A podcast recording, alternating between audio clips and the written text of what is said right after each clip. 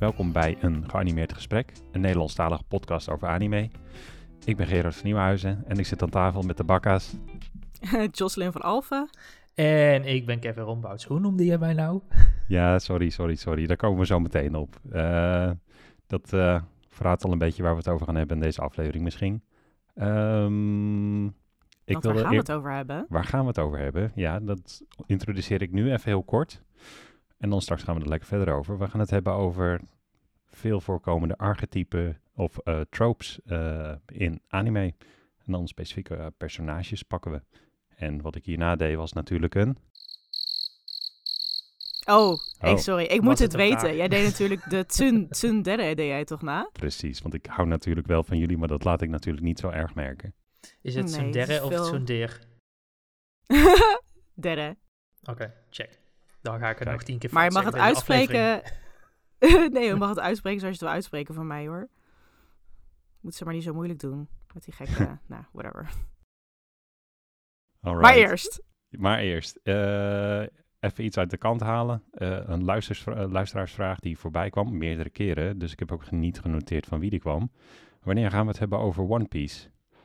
Um. hoe, hoe, hoe, lang hebben we hiervoor? Want hier kunnen we denk ik wel een heel seizoen van maken. Uh, er zijn meer dan uh, duizend afleveringen van die show, joh. Dus dat is... Um... Dat, het is een beetje, ehm, als ik het vergelijk met, met, met games. Daarin heb je mensen die League of Legends spelen of Dota spelen. Die spelen niks anders. En in anime heb je mensen die One Piece kijken en niks anders kijken, heb ik het idee. Dat is momenteel wel mijn leven, ja. Ik, loop, eh, of ik liep 100 afleveringen achter en die probeer ik momenteel in te halen en het is een uh, uitputtingsslag. die serie is toch ook nog steeds ongoing? Jazeker, ze zijn nu volgens mij in de afrondende fase wel. Volgens mij heeft de manga zit in zijn laatste arc of is klaar. Einde van een tijdperk. Ja, ja, ja, het is wel echt einde van een tijdperk inderdaad. Maar dat, uh, de serie gaat voorlopig nog wel even door, gok ik. Nog veel pieces. Ik weet niet hoe, hoeveel die gelijk loopt met, uh, met, met uh, manga. Maar wat is het dan met die show? Dat dat, dat, dat nog steeds zo... Ik heb, ik, ik, heb het, ik weet niet eens waar het over gaat. Piraten? Wat is het? Wat is, waarom is die show zo vet?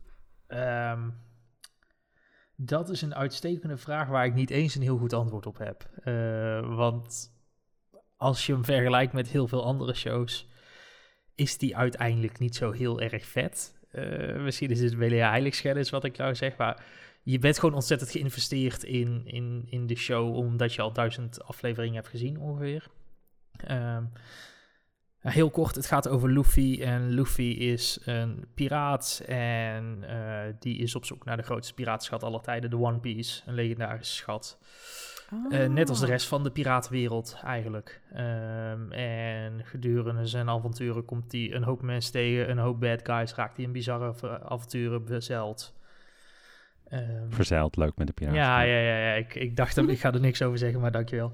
um, dat, dat is eigenlijk alles wat er gebeurt. En er zit heel, heel, heel, heel, heel, heel, heel, heel, heel veel filler in. Dat ja, ik, dacht ook, ik dacht ook wel heel veel uh, worldbuilding, of dat het heel innemend is of zo. Ja, ze, ze, ze weten wel echt... ben een beetje echt, op zoek ook. Ze, ze, ze weten wel echt een wereld neer te zetten, maar daar nemen ze ook... Ja, wat ik zeg, duizend afleveringen de tijd voor. Uh, er kom, je komt nu, ja, ik ben dan nu aflevering 960 of zo, ergens die hoek. En, uh, in, in, deze, in deze arc komen ze op een gegeven moment op een, uh, bij een eilandengroep terecht waar je in aflevering 500 nog nooit van gehoord had, zeg maar. Er, er, het, het is er ook redelijk... Ik weet niet of er een heel groot plan lag bij aflevering 1, om het zo te zeggen, bij manga 1. Het is niet, ik heb niet het idee dat het is gebouwd vooraf als een concrete wereld en daarna erin een verhaal wordt verteld. Ik heb het idee dat er plukjes en beetjes bij worden verzonnen om die reis maar langer en langer en langer te maken. Ik denk ook dat het onderwerp zich ook wel heel goed leent voor. Je kan er gewoon zoveel bij bedenken. Het is gewoon, het is zo breed. Oh, wij zijn piraten. Wij gaan een schat vinden. Daar kun je zo lang over doen als je precies, wil. Precies, en dat, dat hebben ze ook uitstekend gedaan. Maar ik vind wel de artstyle dus echt heel vet. Dus ergens ben ik ook een beetje bang om aan One Piece te beginnen. Want dan denk ik, oké, ik, ik denk dat ik dit heel leuk ga vinden. En ja, dan, dat, dat, dat, dat denk ik ook wel. Het, is, het, is, het kan een heerlijke hersenloze serie zijn om je eeuwig mee te vermaken wat dat betreft. Alleen... ja, eh, want het- ik vond het- het- Naruto dus ook heel leuk. En dat was ook 700 afleveringen. Nu heb ik Ja. wel heel veel filler arcs geskipt. Ja, en wat het, wat het ook wel een beetje is, eh, het, het, het is ook een beetje onderhevig aan hetzelfde probleem wat, wat een Naruto heeft of wat een Dragon Ball Z heeft, is dat gevechten eindeloos opgerekt kunnen worden. Volgens mij zat er op een gegeven moment een arc bij dat, er, dat een gevecht wel 30 of 40 afleveringen duurde, voor mijn gevoel. En dan, oh, dat is echt dat lang. er- Ja. Er wordt ook wel telkens naar andere. Dus dan, je hebt een piratencrew van, van, wat is het, acht, negen man of zo. En dan nog allemaal side characters. En die zijn dan verspreid over een eiland op dat moment. En iedereen is op een andere plek aan het vechten. Maar dan de ene aflevering zie je eigenlijk, nou, wat is het? Twee minuten, wat dan opgerekt is naar tien minuten van één persoon daar. En tien minuten één persoon daar. En dan heb je je volgende aflevering weer, waar ze weer naar iemand anders toe gaan. En Oh my god. er wordt ook telkens vijf minuten van de vorige aflevering wordt er ook nog herhaald voor mijn gevoel. Dus het, het, het, het, het- er, zit, Oh, er ja. zit niet echt tempo in. Maar goed, dat moeten we misschien bewaren voor, voor een losse eh, One Piece aflevering. Ja, precies. Misschien Voordat moet de insteek worden eh, jouw, jouw Stockholm-syndroom en onze nieuwsgierigheid. Dat lijkt me heel leuk. Ja, want dat ik, wel, dan, moet ja, ik, dan ga ik wel echt wat afleveringen kijken. Ja, er ik- moet ik- toch een reden zijn waarom dit een van de big three is. Want de big three is Naruto, Bleach, One Piece. Ja, ja, ik denk het wel. Ik denk dat het eh, I mean, heel erg... eigenlijk, eh, als we heel eerlijk zijn, zijn die misschien niet eens supergoed. Het is niet de beste, niet de beste series. Nee, niet- nee, niet- nee, zeker, zeker niet. Maar dat, het, het zijn misschien drie van de grootste series. Maar ik denk Ja. dat je in, in 12, 24 of 36 afleveringen een veel spectaculairder verhaal kan vertellen. Zoals we al heel vaak hebben gezien. Ja. Maar goed, we dwalen af, we dwalen af, we dwalen Ja. af. Anyway, lijkt me echt vet leuk om een One Piece aflevering te Ja, maken. Want volgens mij is dat gewoon een heerlijke show om te kijken. De, een, een, een 101 into One Piece. I love it. Een hele goede die- titel. Die moeten we even Ja, vasthouden. ja, ja, die leggen One we even vast. Piece 101. Ik schrijf hem op. Ja, ja, laat die, laat die even bezinken. Eh, we gaan door. Ja, ja, ja. Eh, even met een eh, rondje. Wat hebben we gekeken? Wat, eh, wat viel ons op? Ehm, Kevin, wat- zullen we met jou beginnen? Nou ja, dan blijven we bij hetzelfde onderwerp als waar we net al heel de tijd over praten. Want ik ben dus One Piece aan het bijkijken. Oh jee. ja. Momenteel als een malle. Ja, ik probeer echt die 100 afleveringen weg te werken. Maar ja, dat gaat, dat gaat ook maar zes afleveringen per avond of zo. Dus dat... Het schiet niet heel erg op, maar, maar we komen wel ergens. Dus ja, dat is heel, heel saai wat ik nu aan het kijken ben. Ik heb, ook nog, ik heb ook niks bijgekeken van mijn, mijn huidige shows of zo. Spy Family, eh Shikimori, noem het allemaal op. Dat loop ik allemaal mee achter momenteel. oh jee. Mm. ja, Nee, je hebt een klein masseltje met eh Shikimori. Ehm, zij hadden, eh, doordat er een COVID-uitbraak was, hebben zij een eh, recap-aflevering gehad. Ah, waarbij ze met een voice-over eh vertelden hoe hun eerste aflevering eh, was om die eh, te maken. Ah, ja, Dus, ja, ja, ja, scheelt je ja, één ja. aflevering. Ja, nou, dat scheelt weer. Scheelt weer. Ja, ik kijk ook niet zoveel. Ik kijk eigenlijk alleen... eh, ja, iedere week kijk ik Spy Family. Maar ik had ook een beetje de manga gelezen. En daar... Nu komen spoilers voor, voor Spy Family. Dus je bent gewaarschuwd. Niet doen, niet doen, niet doen. Oké, maar er komt een personage... Ja. Waarvan ik al wist dat hij kwam. Want die zat in de manga, dat personage. En ehm, dat vond ik een fucking verschrikkelijk personage. Ik haat het. Het is echt ook een archetype... Die we niet gaan bespreken. Maar misschien interessant voor een andere aflevering. Echt een heel problematische archetypes bespreken. Maar het is een archetype wat ik echt heel vervelend vind. Dus eh, dit is ook de aflevering waarin dat personage komt. En ik denk dat ik hem gewoon niet ga kijken. Dat ik hem gewoon wel doorskip naar de volgende. Ik, Dus eh, ik heb die ik aflevering, eh, ja, ik heb die aflevering al wel gezien. Ik, ik, ik was best wel blij met dat er aan wat knopjes was gedraaid dat het even ietsjes minder is. Dus dat Oh. vond ik wel fijn. Het is nog steeds wel eh, de Cringe. trope of die archetype waar Ja. je niet zo fan van bent, maar het is wel wat minder eh, vervelend. Oké, Dus nou dat, dan ga ik eh, het wel kijken. Dat, eh, dat zou ik zeker doen, want het is nog steeds de beste anime van het moment volgens mij. Ja, Zeker, vind ik zeker. ook. en dit, dit is ook één personage waar we het over hebben, wat gewoon een side character is. Dus het is niet. Kijk, als dit nou de main character was, dan hadden we een probleem, denk ik. Maar die show heeft. eh, het, is, het is gewoon heel. ja- Ik, vind, ik vond het een beetje jammer, want die show heeft zoveel leuke dingen ehm, en leuke personages. Dat ik deze dacht ik echt, oh, een beetje jammer. Zeg maar, al- als de rest zo leuk is, als één ding dan minder leuk is, dan komt dat extra hard aan of zo. Ja. Terwijl als alles middelmatig is, dan denk je, ja, I don't know. eh, bij McDonald's hoef ik ook niet eh, Michelin te verwachten. Maar als ik een Michelin krijg en ik krijg daarna eh, een McFlurry als toetje, dan ben ik wel een beetje, baal ik wel een beetje. Snap je?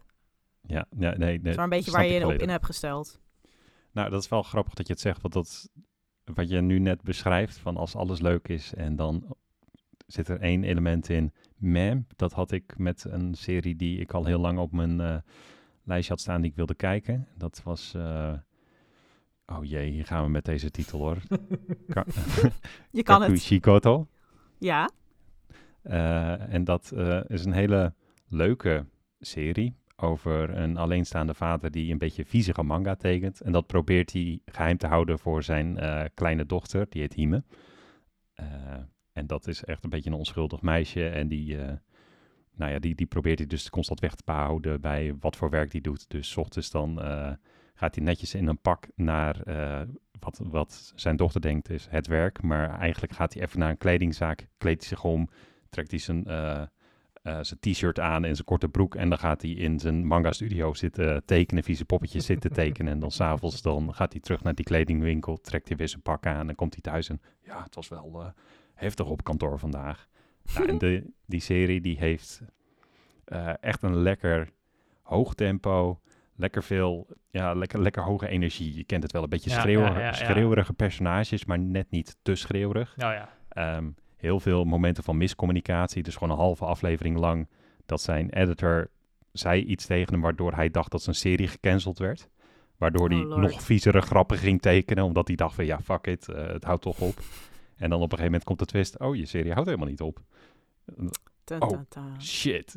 En ondertussen is de kwaliteit, aanhalingstekens, van zijn serie ook omhoog gegaan volgens de lezers. Want iedereen van, wow, hij doet eindelijk die dingen die hij nooit durfde te doen. Dus zit er ook weer zo'n hele twist achter dat hij daar weer stress van krijgt. Klinkt niet Ehm. als een show die, waar je echt relaxed naar kan kijken. Want Ik zou heel veel... Ik, ik, ben, ik ben best wel iemand die... Ik weet niet, het klinkt weer echt fucking tenenkrommend, maar met, met veel empathie. Dus ik vind soms... Als, per- als ik naar een film of een serie zit te kijken waarin heel veel... Oh my god, ik haal de deadline niet. Ah, ik haal mijn trein niet. Dan zit ik echt ah, zo op de bank. Ik weet heel erg bij... ehm, oh, wat is die film met Adam Sandler? Over dat hij, met die, dat hij die Furby heeft aan die ketting over diamanten, whatever. Alleen maar stress, die film. Ik kon er echt niet naar kijken. Gewoon, ik zat gewoon echt gewoon... Punch Drunk Love, dat bedoel je niet? Nee, oh, ik weet het niet Ja. meer. Anyway, Uncut doet er ook niet Diamonds. toe. Dat, Hm. Uncut Gems. Uncut Luister. Gems, dat- ja, ja, ja. Dit klinkt een beetje, zeg maar, qua stresslevel als Uncut Gems, maar dan... Ja, het, het, het, Ah, is, het is wel, het is heel wholesome. Want, want het is ook Oh, gewoon die dochter. Die dochter is heel, heel lieflijk en heel onschuldig. En er is echt geen enkele aanleiding toe dat zijn dochter ook maar iets gemeens zou denken over, eh, over haar vader. Het is gewoon die vader die projecteert zijn eigen eh, eh, onzekerheden eigenlijk constant op. Van, oh ja, dit moet ik echt weghouden bij mijn dochter. Maar dat is helemaal niet nodig. Het, Ah, wat, wat jammer is, waar, we het, waar we- ja, waar ik het brugje mee begon, was... ehm die eerste twaalf of elf afleveringen zijn superleuk. De twaalfde aflevering, dan komt een soort van big reveal dat zij erachter komt. Eh, dat, is- dat, dat is geen spoiler, want dat wordt al, eerst, eh, wordt al duidelijk uit de eerste aflevering. Maar dat is een beetje knullig gedaan. En ik Ah ja, denk dat dat jammer, ja. ja, Hoe bedoel je knullig? komt- nou, volgens mij, eh, de originele manga was volgens mij iets van 10 of 12 delen. En dit zijn 12 afleveringen. Dus dan voel je hem al aankomen. mhm. Dan wordt er opeens een, een soort van tempoversnelling ingezet eh, aan het eind. En heel veel wordt erbij gehaald. En die serie begint met dat dat, dat dochtertje een jaar of eh, acht of tien is. En in die allerlaatste aflevering is ze 18. Oh, ja, dat is in één keer heel grappig inderdaad, ja. Ja, en dat is echt, echt best wel zonde. Want ik, de, ik denk dat er ook best wel meer in de tank had kunnen zitten met... Goh, wat gebeurt er nog in die tussenliggende jaren? Want er is ook duidelijk dat, eh, dat vader nog wel een, een issue heeft met het feit dat zijn vrouw vermist is geraakt op zee. En hij heeft nog steeds een uh, privé-detective die die inhuurt. En daar gaat heel veel geld aan op. En ze zit ook eerst in een heel mooi huis. En in de allerlaatste aflevering uh, in een of ander flatje. Maar wat daartussen gebeurt, dat zie je allemaal niet. Dus, de, dus het, het, het, voelt alsof ze er een tweede seizoen tussenuit hebben gesneden. Ja, ja, ja, ja. En dat is echt, echt best wel jammer. Want, want zoals ik al zei, die, die hoge energie en, die miscommunicatie is heel veel, er zit heel veel humor in. Maar er zit dus ook constant wel een beetje die onderlaag die ik net beschreef, zit er ergens wel in. Van, oh, er zit wel wat trauma in. En, en het, het goed willen opvoeden van, uh, van een dochter. Maar ja, dat, dat, dat landt dan net niet helemaal lekker. Dus dat was, uh, ja, de McFlurry na, voor, me, voor mijn gevoel wel een Michelin-diner. Uh, de McFlurry na de Michelin-diner. Jammer. Ja. Klinkt ja. inderdaad... Uh, als ze dat nou... Soms moeten dingen... Ja, gewoon luchten. Die moeten lucht krijgen en ruimte. En dan is het zonde als je zo aan een soort... Ja, time constraint... Als je daar tegen moet werken. Want het is natuurlijk ook moeilijk voor zo'n studio. Ja. Ik kan me voorstellen. Als ze zeggen, joh, je krijgt twaalf afleveringen. Hier moet alles in verteld worden, ja. Gewoon de laatste ja. aflevering niet kijken. Dat, dat zou ik bijna willen, uh, willen aanraden. Nou ja, waarom ik denk niet? dat die eerste, ja, die eerste afle elf afleveringen zijn gewoon echt, echt, echt heel leuk. Doet een beetje denken aan uh, Usagi Drop met meer humor. Als, uh, Wat, die, Usagi Drop gaat toch ook over zo'n zo'n alleenstaande guy die dan een, een kind zegt hier, al, dit kind heb jij nu geadopteerd of zo. Ja, ja. Klopt, ja. ja. Maar die was ook wel echt heel wholesome. Ja, zeker ja. Dat, dat, dat, dat is deze serie ook wel. Beetje jammer van de laatste aflevering dus. Ja, oh wel. Kevin, jij had nog een uh, nieuwtje. Ja, ik had, nog, ik had nog een nieuwtje wat ik tegenkwam inderdaad. Dat, uh, er, er is een nieuwe gigantopkomst uh, als het aankomt op anime studio's. Ehm, want er is een nieuwe anime company opgericht, Joanne. Uh, bestaande uit Wit Studio, de studio die we natuurlijk kennen van uh, titels als Attack on Titan, Spy Family, Finland Saga en veel, veel, veel meer. Um, Cloverworks, nou net zo'n grote naam. Uh, Demon Slayer, Kaguya-sama, voor, voor Gerard, speciale mention. ranking, ranking of Kings doen zij ook. Um, en dan productiehuis Aniplex en uitgever. En hier, hier had ik al moeite mee om over te typen, laat staan wat uit te spreken. Uh, Shueisha, ja. gok ik. Ja. Die slaan de handen in één. Uh, dit om de makers samen onder één dak te brengen en een beter businessmodel voor, voor de studio's te verschaffen. Dus dat is wel interessant. ook flinke kapitaalinjectie bijgemoeid, 728.000 euro. Dus ik hoop dat ze daar wat leuks mee kunnen gaan bouwen. Want al die zij gaan dus al die series, want er zitten series bij die nu nog lopen. Attack on Titan, Spy Family, Demon Slayer, die lopen allemaal nog. Gaat daar nog iets mee veranderen of gaan ik zij dat nu allemaal niet. maken? Ik, ik, ik denk niet dat daar dingen veel gaan veranderen, want het duurt natuurlijk even voordat zo'n bedrijf ook helemaal up en running is uh, en voordat dan de eerste dingen worden afgeleverd. Uh, maar ik verwacht wel dat we, dat we hoge kwaliteit dingen van ze kunnen gaan verwachten als, het, uh, als ze het onder die vlag gaan uitbrengen. Ja, Spy, Family, Spy Family is al een samenwerking tussen. Is al een samenwerking, en, inderdaad. Ja. Uh, dus als dat en Cloverworks. Ja. ja. Okay. Dus ze doen om en om uh, nu een aflevering eigenlijk. Oh, dat wist ik helemaal niet. Ja. Dus als we dat nee, niveau dus... kunnen verwachten, dan uh, denk ik dat we het niet slecht gaan hebben. Ja, nee. ja ik ging vooral aan op dat, uh, dat businessmodel. Daar moeten we echt eens een keer los uh, verder induiken. Want volgens mij is het best wel ingewikkeld hoe, hoe eigenlijk anime-studio's hun geld verdienen. Dat heeft volgens mij ook te maken met hele comité's die uh, die series toewijzen. En, en hele verdeelsleutels met hoeveel geld, geld er terugvloeit naar een studio. En dat een studio er dus eigenlijk ook soms geen pepernoot aan overhoudt. Ja. Um, en dat dat hele model ook best nog wel geënt is op hoeveel uh, Blu-rays er worden verkocht. Of hoeveel extra manga er worden verkocht dankzij, dankzij een anime. En er is een hele goede meta-anime. En ik ben de naam even kwijt. Maar uh, die gaat over een groep meiden die individueel allemaal in de anime-wereld terechtkomen. Als tekenaars, als productieassistenten, dat soort dingen.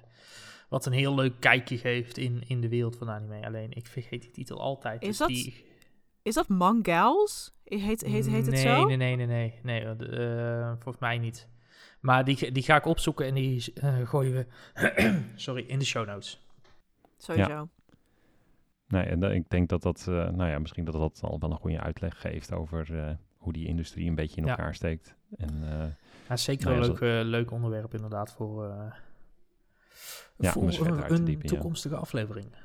ja joh, de, idee, de ideeënlijst wordt langer en langer. Volgens mij hebben we er nu al twee genoemd. En, nou, als, we, als, we minst, als we minstens net zoveel afleveringen willen maken als One Piece, dan hebben we nog even te gaan. Oh ja, dan, nee precies ja. Dan, aflevering 1000, dan gaan we het weer eh, hierover hebben. Blijf hangen dus eh, allemaal. mooi, mooi streven. In de volgende aflevering van een geanimeerd gesprek vinden ze de schat. Nee, nee. maar nee, wel een nieuw personage. Het is wel een goede manier om afleveringen te maken. Dat we gewoon de laatste vijf minuten van de vorige aflevering herhalen als intro voor de nieuwe aflevering. Dat is zo, komen we prima aan tijd, jongens. Geen enkel Af en toe, eh, af en toe een flashback naar, eh, de- Precies. de- naar een andere aflevering die tussendoor rammen. De- ja. Ja, Gerard heeft kortsluiting nou al. Laat me ja, zeggen. ik heb, ik- ja, nee, precies. We zijn nog niet eens bij het hoofdonderwerp en eh, dit, dit gaat ook compleet van de rails af. Want eh, zullen we maar gewoon eh, eens gaan eh, hebben waarover we het wilden gaan hebben. Laten we ja dat zullen we het op de rails gaan zetten weer? We gaan het op de rails zetten met eh, vijf verschillende archetypes slash tropes eh, als het om personages in eh, anime gaat. Sorry, hadden we het, Ehm, zijn het er vijf of waren het er vier? Volgens mij hebben we er vijf genoteerd. Oh ja, vijf. Kijk, Sorry, Ja. sorry. daar gaan die rails alweer. Het sorry. raakt, nogal, het, het raakt nogal verloren in de uitvoerige notes. eh. Precies, ja. We, we noteren weer veel te veel van tevoren. Ehm, nou, maar waarom is dat interessant om het erover te hebben, Jocelyn? Ja, ik denk dat het interessant is omdat eh, anime wordt natuurlijk gemaakt in Japan en dat is een heel andere cultuur. Kijk, hier eh, in Nederland consumeren we natuurlijk heel veel media uit Amerika. Dus we zijn heel bekend met alle archetypes en, en tropes en clichés die uit Amerika komen. Iedereen kent wel die, die, die American football player, die atleet, of de cheerleader, of de nerd, of de gothic, of de, ehm, ja, hoe noem je die? De, de, de, de bad boy met het leren jasje. Iedereen kent die archetypes. En ehm, dat is, die zijn heel fijn, omdat die nou, een soort verwachting scheppen over wat je gaat zien. Ehm, en dat zijn ook leuke dingen waar je als, ehm, ja, als maker mee kunt spelen. Kijk maar bijvoorbeeld naar Breakfast Club waarin ze eh, al, die, al die cliché stereotypes eh, van, van die kinderen bij elkaar gooien. Dus de cheerleader, de gothic, de, de atleet, de bad boy, die gooien ze allemaal bij elkaar en dan kijk maar wat er gebeurt. Ehm, dus het is heel leuk om ja, die, die archetypes die je in anime ziet een beetje te leren kennen, zodat je ze kunt herkennen. Ehm, en ook zodat je het kunt waarderen wanneer daarmee gespeeld wordt. Ik denk dat dat je kijkplezier heel erg vergroot. Tenminste, dat is in ieder geval hoe het bij mij werkt. Omdat ik eh, ja, ze allemaal wel herken. En als, als die tropes op hun kop worden gezet, dan ben ik meteen in vuur en vlam. Ja, dat is denk ik wel altijd cruciaal bij een, eh, bij een troop. Dat die gewoon maar Ja. een troop een troop laten is, is saai. Dat wordt voorspelbaar. Dat, eh, daar, daar wordt een anime vaak irritanter van dan leuker. Ja, Ik denk wel dat het echt cruciaal is dat ze... eh, Nou, en daarom eh, zei ik ook specifiek eh, dat we het over archetypes slash tropes hebben. Want een archetype is een mooi bouwblokje. Een trope is eh, datzelfde blauw bouwblokje keer op keer op keer op keer op keer gebruiken. En dan eh, eh, heb je er niet zoveel meer aan. nee, je moet er Ehm. echt wel iets mee doen. Je, je presenteert een Ja. archetype, daar koppelen mensen bepaalde verwachtingen aan. En, en dat vraagt om creativiteit. Daar moet je eigen, de, de beste shows, vind ik, die spelen daarmee. Of Ja, die, die, tenzij, die- Je, tenzij je de eerste bent. Ja, Ja. en dit is ook heel fijn. Ehm, maar is het dan al een archetype als je de eerste bent? Nee, sommige dat- personages ja. zijn zo sterk dat ze een archetype creëren misschien. Precies. Dat, ik denk dat, eh, dat dat misschien ook wel gelijk een goede inleiding is voor, voor dat eerste archetype wat we hadden neergezet. Waar we het ook al eh, eh, kort over hadden in eh, de geweldige intro die ik net die ik bedacht. De tsundere. Tsundere. Ja. Welke uitspraak gaan we voor? Ik, eh, ik, ik eh, weet het niet. Ik zeg al Ja. jaren het sonderen in mijn hoofd, dus ja, daar, daar, blijf ik ook gewoon bij plakken. Dat, Lekker doen. Eh Jocelyn, onze Japanoloog. Wat, Hey. eh, wat betekent die naam letterlijk? Ja, eh tsun is, ehm, is, betekent walging. Dat is eigenlijk een soort onomatopee. Dus Jap Japans taal kent heel veel onomatopeetjes. Dus sound effects nadoen. Met, met kreetjes. Dus tsun tsun is dan irritatie. Dat is walging. Beetje het geluid stimuleren van een kloppende ader. Die, die woest klopt. Ehm, en derde is affectie. Dus dat is eigenlijk iemand die ja, zo verliefd is. Maar dat verstopt achter die, die irritatie, die walging, die kwaadheid. Uit, een beetje uit zelfbescherming. Van "Uh, ik vind je echt niet leuk, je bent echt fucking irritant en je stinkt. Maar dan ondertussen wel I love Marieke in een schriftje tekenen. Dat, beetje dat, dat idee. Ja, dat, ik, ik denk dat je, dat je dit, eh, deze archetypen echt overal tegenkomt. Ja. In elke serie heb je er wel e- eigenlijk eentje zitten. Het is een soort van eh, checklistje. Je hebt een serie, eh, zit, zit ze erin. Het is, het, het is overwegend zijn het vrouwelijke personages, maar je hebt ook zeker wel mannelijke varianten Mhm. ervan. Ik denk wel dat het vaker vrouwelijke personages zijn waarop Ja. dit wordt toegepast. Ja, maar ik, je ziet ze ook wel bij de mannen hoor. Dan is het, eh, Ja. jij bent niet cute en eh, wie vindt je zo staan? Eh, en dan is het oké. En wat ik ook, wat ook misschien leuk is om te vermelden, is dat ja, dit is een archetype, maar soms vervallen personages die hier eigenlijk helemaal niet onder vallen, binnen momentjes kunnen ze hier inschieten. Stel je Ja. voor, je wordt een beetje geplaagd met, oeh, jij vindt hem leuk, jij vindt haar leuk. Dan zeggen, huh, echt niet, ik vind het Echt een domme poephoofd. Dat. Even Precies, een momentje ja. en dan weer door. Ja, Maar je, je hebt personages die overwegend zich zo gedragen. en eh, als we het hebben over welke, welke personages schieten bij jullie gelijk in het hoofd dat je zegt van, oh ja, dat is nou echt, eh, iedereen kent dit personage en als je er nog eh, het woord tsundere niet aan gekoppeld had, dan zeggen we het nu even en dat iedereen dan thuis zegt, oh ja, tuurlijk. Ja, ik, ik Mm. vind dat altijd lastig, omdat het, het, het is zo'n bekend stereotype, maar omdat ik hem al zo vaak heb voorbij zien komen, vind ik er ook lastig om er specifieke namen aan te hangen. Dat had ik sowieso met alle show notes voor deze aflevering, Mhm. omdat je, en dat is misschien ook om, omdat je zoveel hebt gezien, dan, dan smelt het op een gegeven moment redelijk samen. Ja, ik, Eh, dan als, als ik er eentje. Maar dan, dan, dan zit ik nu ook al te twijfelen of, of dat ook wel een echte was, of dat het misschien iets is wat zo is bijgebleven. Maar als je het over langlopende series hebt, eh, volgens mij Sakura uit eh, Naruto was wel. Zeg ik dat nou goed? Mhm. nou? Ja, volgens mij dat wel zo'n iemand waarvan die dan in die categorie valt. Maar dan ook niet altijd. eh, wat je zegt, het is, het is niet altijd cut and dry, zeg maar. Nee. Ja, en dat, is, dat, dat moet je ook niet willen, want dan wordt het dus inderdaad een cliché. En eh, er moet wel iets van character development in zitten. En dat krijgt Sakura gelukkig ook wel. Ja, maar zij is inderdaad ook wel... Zij ver- vertoont wel die trekjes, ja. Dat ze dan heel verliefd is op die, eh, op die jongen, op die Sasuke. Ja. En eh, daar dan ja, heel, zeg maar, bijna... Ja, ze is, ze is, heel, ze is heel pittig, laat ik het zo zeggen. Ja. pittig type. Ja, de reden dat ik de vraag ook stelde is omdat ik echt, eh, toen ik die term eigenlijk voor het eerst hoorde, was het dat, dat ik gelijk daar eh Asuka uit eh, Neon Genesis Evangelion aankoppelde. En volgens mij is dat ook een van de vroegere personages die dat heeft. Dat, dat die echt niks moet weten van Shinji en, en nou, dat is echt haat en nijd. Maar ondertussen, ondertussen Ja, Vooral als ze dan, een soort ja. crush, ja. Ja, precies. Ja, vooral als Shinji niet in de buurt is, dan wordt dat wel duidelijk eigenlijk. Eh, en daar, daar, daardoor moest ik er gelijk heel erg aan denken. Overigens, Kevin, wa- wat jij net zei, van het smelt heel erg samen. Ik denk dat dit eh, archetype daar het meeste last van heeft ook. Van het is ehm, in series... Het is een karaktertrek. Het is, het is voor mijn gevoel de karaktertrek. Het is niet een, een, een eh, personality defining feature of zo, zoals we die bij andere personages nog wel eh, hebben, of bij andere types. Het, het, het is vaak onderdeel van iemand en dat maakt het heel Ja. erg lastig om, om specifiek iemand toe te wijzen waarvan je denkt van, oh ja, dat is, dat is er echt eentje. Het is, het, is wel, het is ook zelfs zo vaak voorkomend eh, dat Ja. eh, in series eh, soms ook wordt gezegd, oh, je bent echt aan het zoenderen. Ja, precies. Dat, dat, Ja. du- Dus, dus het is ook gewoon eh, ja, onderdeel van, onderdeel van, de, van de taal eh, geworden. Dus het Mhm. komt al zo vaak voor. Dus eh, ik snap wel dat, je, dat, je, dat het dan moeilijk is om er echt eentje aan te wijzen van... oh ja, dat is echt het, eh, echt het eh, archetype Tsundere. Ik denk Had jij de er eentje? Ja, de, de eerste.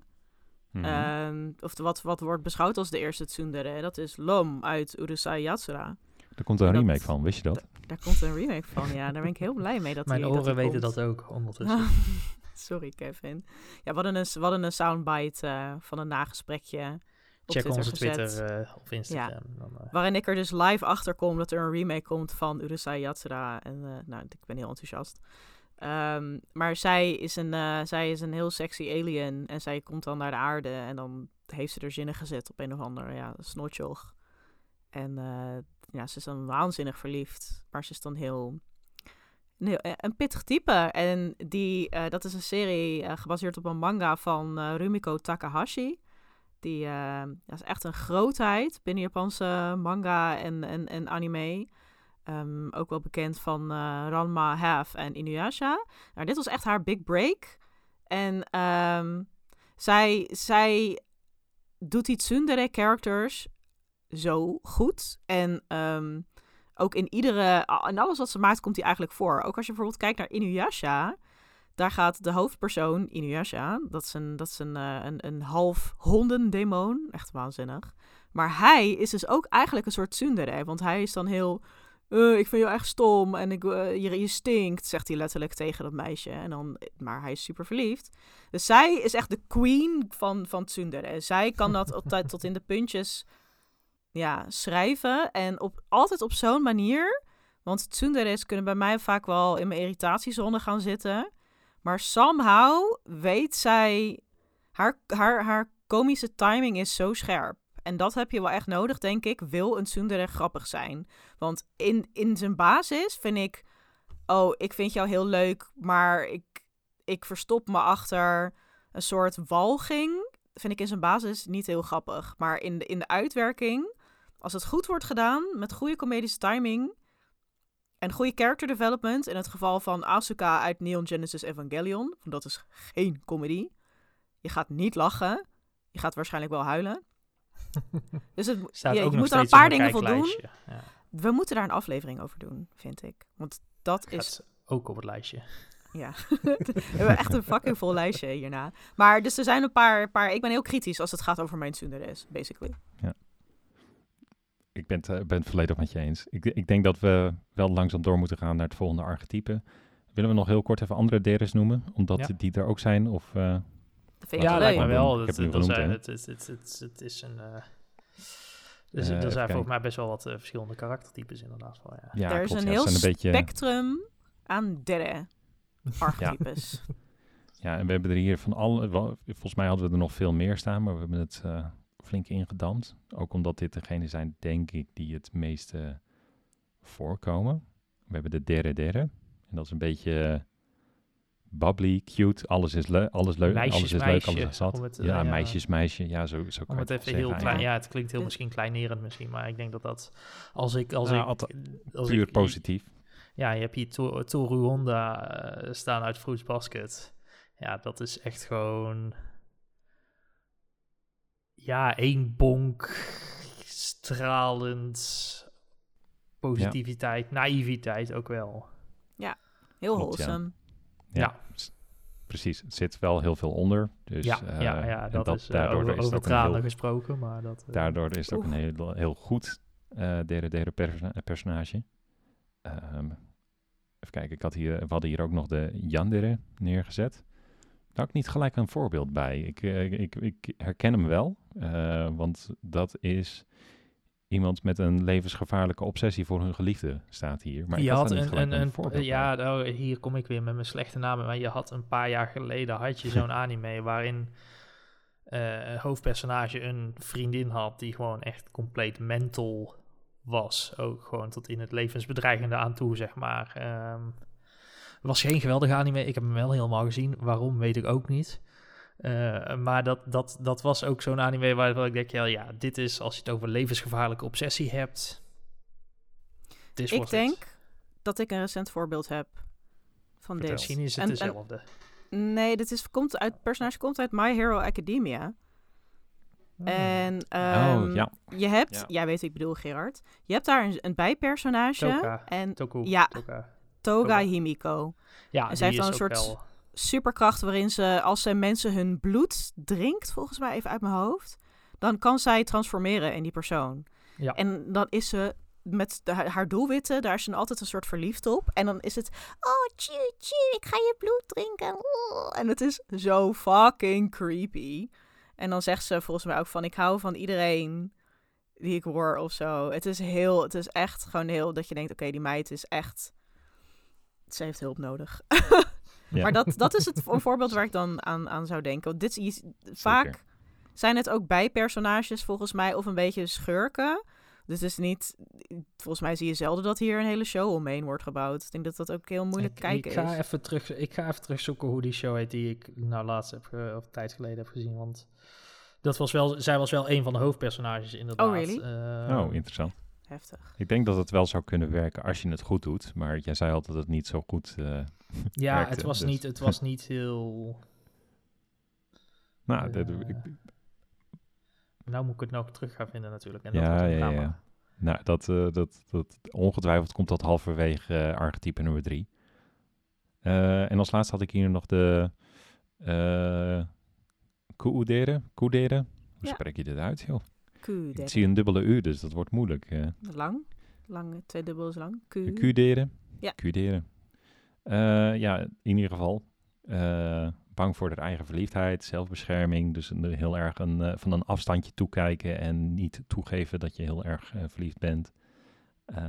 Of of een, een affectie hebt voor een personage. En hierbij had, had ik een heel recent voorbeeld wat ik heb gezien. Dat is dan Homura uit Madoka Magica. Dat, dat eh, is ook wel een eh, hele dikke... eh, eh, hoe zeg je dat? Op het moment dat je dat doorhebt, dan gaat die serie ook zoveel meer eh, leven. Eh, Echt een serie die heel erg speelt met die archetypes ook. En, en clichés van het magical girl genre. Dat is echt een aanrader ook. Maar inderdaad, eh, Klopt, zij is dan ook iemand die dan heel kil en afstandelijk doet. Q betekent ook een soort koud. Ehm, dus dit is iemand die heel kil en afstandelijk doet. Maar dan eigenlijk, er brandt vuur van binnen. Precies. En, dat, en er zit ook vaak wel een... nou, in die serie zit er ook een hele duidelijke eh, reden achter waarom dat zo is. En dat eh, maakt er ook een heel sterk personage in die serie. En die, die serie... Wow, daar moeten we het echt een keer nog over hebben. oh Ja. jee. Oh jee, nog meer. Ja, jullie, ja, maar het is, jullie het hebben is, twee series genoemd. Het is interessant, dit soort ar dit, die, ar die derde archetypes. Want je, wil, je, je weet van oké, ze zijn zo, maar je bent dan eigenlijk benieuwd waarom zijn ze zo geworden. En die hebben, Ja. de beste hebben dan altijd een heel interessante reden. En een, of een tragische backstory waar je dan meer over wil weten. Ik heb, Zeker. eh, ik heb de serie gevonden, jongens. Het was even zoeken, maar ehm, eh, de serie heet Mirai Nikki. Eh, Future Diary, een Engelse titel. En daar Ik, was, eh, eh, eh, was een Yandere een van de hoofdpersonen. En compleet. Woe woe. Die, eh, Ik, eh, ik, ken de, ik ken de titel en ik heb hem wel eens vaker voorbij horen komen. Als in, hé, hey, dat, dat was eens even wat anders. Dus, eh, 2010 geloof ik, is 2011. Oké, dus ja. iets meer dan een paar jaar terug. Ja, Dat is een tijdje geleden. Een, eh, een 7,4 op My Anime List. Dus op zich, hij, hij staat zeker niet onderaan de rankings. Maar ik vond hem, ja, ik weet, ik, ik weet niet of ik hem slecht noem, maar ik weet niet wat ik ervan moet vinden. Het is er zo eentje, zeg maar. oh, oh, ja. Ik zie het dat zij is, eh, zij is een soort psychopaat die hem stalkt. Ja, ja. Eh, ze zitten beide in een of ander paranormale contest, waarin gevechten tot de dood, et cetera. En zij is helemaal gefascineerd slash stalkerig met hem. eh. Bah. Ja, het is, het, is, het is eh, de creepy personage in die serie. Maar ik denk dat het misschien een van, een van de betere voorbeelden is van, eh, van zo'n persoon. Mooi. Nou, goed dat je hem nog even hebt gevonden. Ja. Oké. Wie hebben we nog meer archetypen? Next. Next. The Overpowered Protagonist. Mm, Zo. Nou, dat, eh, die... eh, ja, hoe lang hebben we er inderdaad? Ik, zie hier weer eh, One Piece staan. Daar hebben we het al over gehad. Next. Eh, nee, maar het, eh, zonder dolle. Het is wel vaak de, de, de shonen hoek waarin... eh, we ja, zien het is dat de, de, de, de- hoofdpersoon... De, de, de overpowered protagonist, die kennen we al sinds jaar en dag natuurlijk. Ehm Goku. kennen, kennen, kennen, we, kennen we ook in het Westen overigens. Eh, kijk maar naar Superman. Popeye. Of Popeye. Superman. Ehm, maar ja, in, het, eh, in, in de anime zien we hem ook vaak genoeg terugkomen. Inderdaad, Goku is misschien een van de, een, een van de oudere eh, gasten op die lijst. Eh, Saitama uit One Punch Man is natuurlijk een geweldig persiflage erop eigenlijk. Ja, waanzinnig. Ehm, Ja, Ja. want dat, die show is, doet dat zo slim. Want uit vooral veel shonen en actie-anime, die hebben last van dit probleem. Dat, dat de hoofdpersoon op een gegeven moment te sterk wordt. En die hebben een soort Ja. schaalprobleem. Op dat begint bij het lokale eh vechttoernooi op de hoek. En dan uiteindelijk wordt het, we moeten 500 al. dimensies redden. En we zijn Ja. goden geworden. En echt stop gewoon. En, en op- dan wordt het niet meer spannend als je hoofdpersoon gaat vechten. Want je weet al wat er gaat gebeuren. Hij doet één grote laser en het is klaar. En het, is, wat, het, is, het is een probleem wat ik ook wel eens in videogames terugzie. Dat, dat Ja. eh, in games, dat, dat jij wordt steeds sterker, dus je vijanden moeten ook steeds sterker worden. Wat uiteindelijk neerkomt in dat de cijfertjes steeds groter worden aan schade die je doet. Zeg maar. Dat is het, hetzelfde met dit soort personages. Op een gegeven moment zie je Eh, te veel, te veel nullen op je scherm vliegen. Ja, Een ja, ja. negen. Dus, Ja. dus, eh, helpt het ook absoluut niet dat ze vaak ook maar twee hersencellen hebben om eh, mee te Ja, werken. One Track Mind. Ja. Ja, en ze ja, zijn dan ook echt eh, geobsedeerd door vechten. Dus ze willen alleen maar, ik wil vechten, want dan voel ik me dat ja, ik of leef. En sterker wow, worden of, of Ja. doel bereiken, inderdaad. Ja, Ja. dat is... Vechten? Ja, en je- en- sterker worden, mijn vrienden beschermen en eten. Ja. Ja. Dat zijn dan de, Nee, en- de passies. Ja, en je hebt dan nu eh, wat natuurlijk eh isekai, waarbij dan personages eh, reïncarneren en in een andere wereld. En dan eh, wordt deze trope ook weer vrolijk uit de kast gepakt. Dan is het in het begin van, oh ja, ik heb een tweede kans en nu ga ik het helemaal anders doen. En vervolgens doen ze precies hetzelfde, Ja, worden ze weer ja, ja. overpowered en weer te sterk. Eh er loopt nu ook zo'n serie, eh, iets met Demon Lord, Commonplace. De titel ben ik al Oh, ik dacht dat je ergens anders ging, maar Oh ja, door. the demon lord is reincarnated as a typical nobody. Precies, ja. En dan Dat, vervolgens, dan wordt hij gewoon, is hij weer fucking overpowered en OP. En ja, jongen, jongen, jongens. Eh, maar daarom is Saitama uit eh, One Punch Man en misschien ook wel Mob uit Mob Psycho Ja, zo interessant. Omdat Ja, die luister. compleet iets anders bieden naast eh, de, die, die, die standaard trekjes. En ja, ze moeten wel ergens anders heen bewegen, omdat ze, vooral Saitama, want hij is al, ja, de One Punch Man. En overigens is dit, is, dit, is dit ehm, we hebben nu wel allemaal, allemaal heren genoemd. Het zijn niet alleen heren waar dit bij gebeurt, want ik heb afgelopen seizoen heb ik ook zo'n anime gekeken, eh Leerdale Land of zoiets, waar, Ja, ja, waarbij oh, zeker, een, ja. eh, een vrouw terugkomt eh, of, of in, in coma ligt en in een spel terecht raakt waar ze al veel langer in speelde en dan is er een timeskip in dat spel en dan is ze opeens een van de meest krachtige personages in, in heel de wereld. Dus het Ja. zijn niet alleen, alleen eh, mannen waar het bij gebeurt, maar het zijn wel vaak Nee, hoor, mannen over de waar hele het bij gebeurt. Ja. Maar- Komt omdat het vaak in shonen voorkomt ook. Maar kunnen we het dan even hebben over hoe briljant One Punch Man is? Want dat is... Ten eerste is dat zo'n briljante persiflage op die overpowered protagonist. Want Ja. letterlijk, Saitama, de hoofdpersoon, verslaat iedereen met één punch. Dat is gegarandeerd. Hij wint, Ik vind hij wint fijn dat nooit het een niet. hoofdpersoon is, want het is alleen maar hoofd bijna. Dat, Ja, hij is ook echt een soort kale guy. Een beetje nietszeggend en een beetje een afgeracht heldenkostuumpje. Maar wat dat eh, doet met zijn psyche. ja. Dus hij, die serie gaat eigenlijk over burn-out. Want Nee, wat gebeurt er als je... Bore-out, ja. Want wat gebeurt er als je gewoon nooit een uitdaging hebt? Als je altijd wint. En als je weet ook hoe je wint. Ja. Eh, dus echt zo goed. En net wat Gerard ook, eh, de serie die Gerard net noemde, Mob uit Mob Psycho 100, van dezelfde maker als One Punch Man. En dat is het gewoon mea culpa. Dit is een van mijn favoriete series of all time. Ik heb een tattoo van Mob. Letterlijk deze serie is mijn alles. Maar die gaat ook over ehm, een jongetje met psychische krachten. En hij heeft denk ik de potentie van een paar nucleaire atoombommen of zo. Maar die, wat, wat, hem, wat hem als personage heel mooi maakt, is dat die krachten van hem zijn gekoppeld aan zijn emoties. Eh, en dan als hij 100% boos is of zo, dan ontploft hij dus.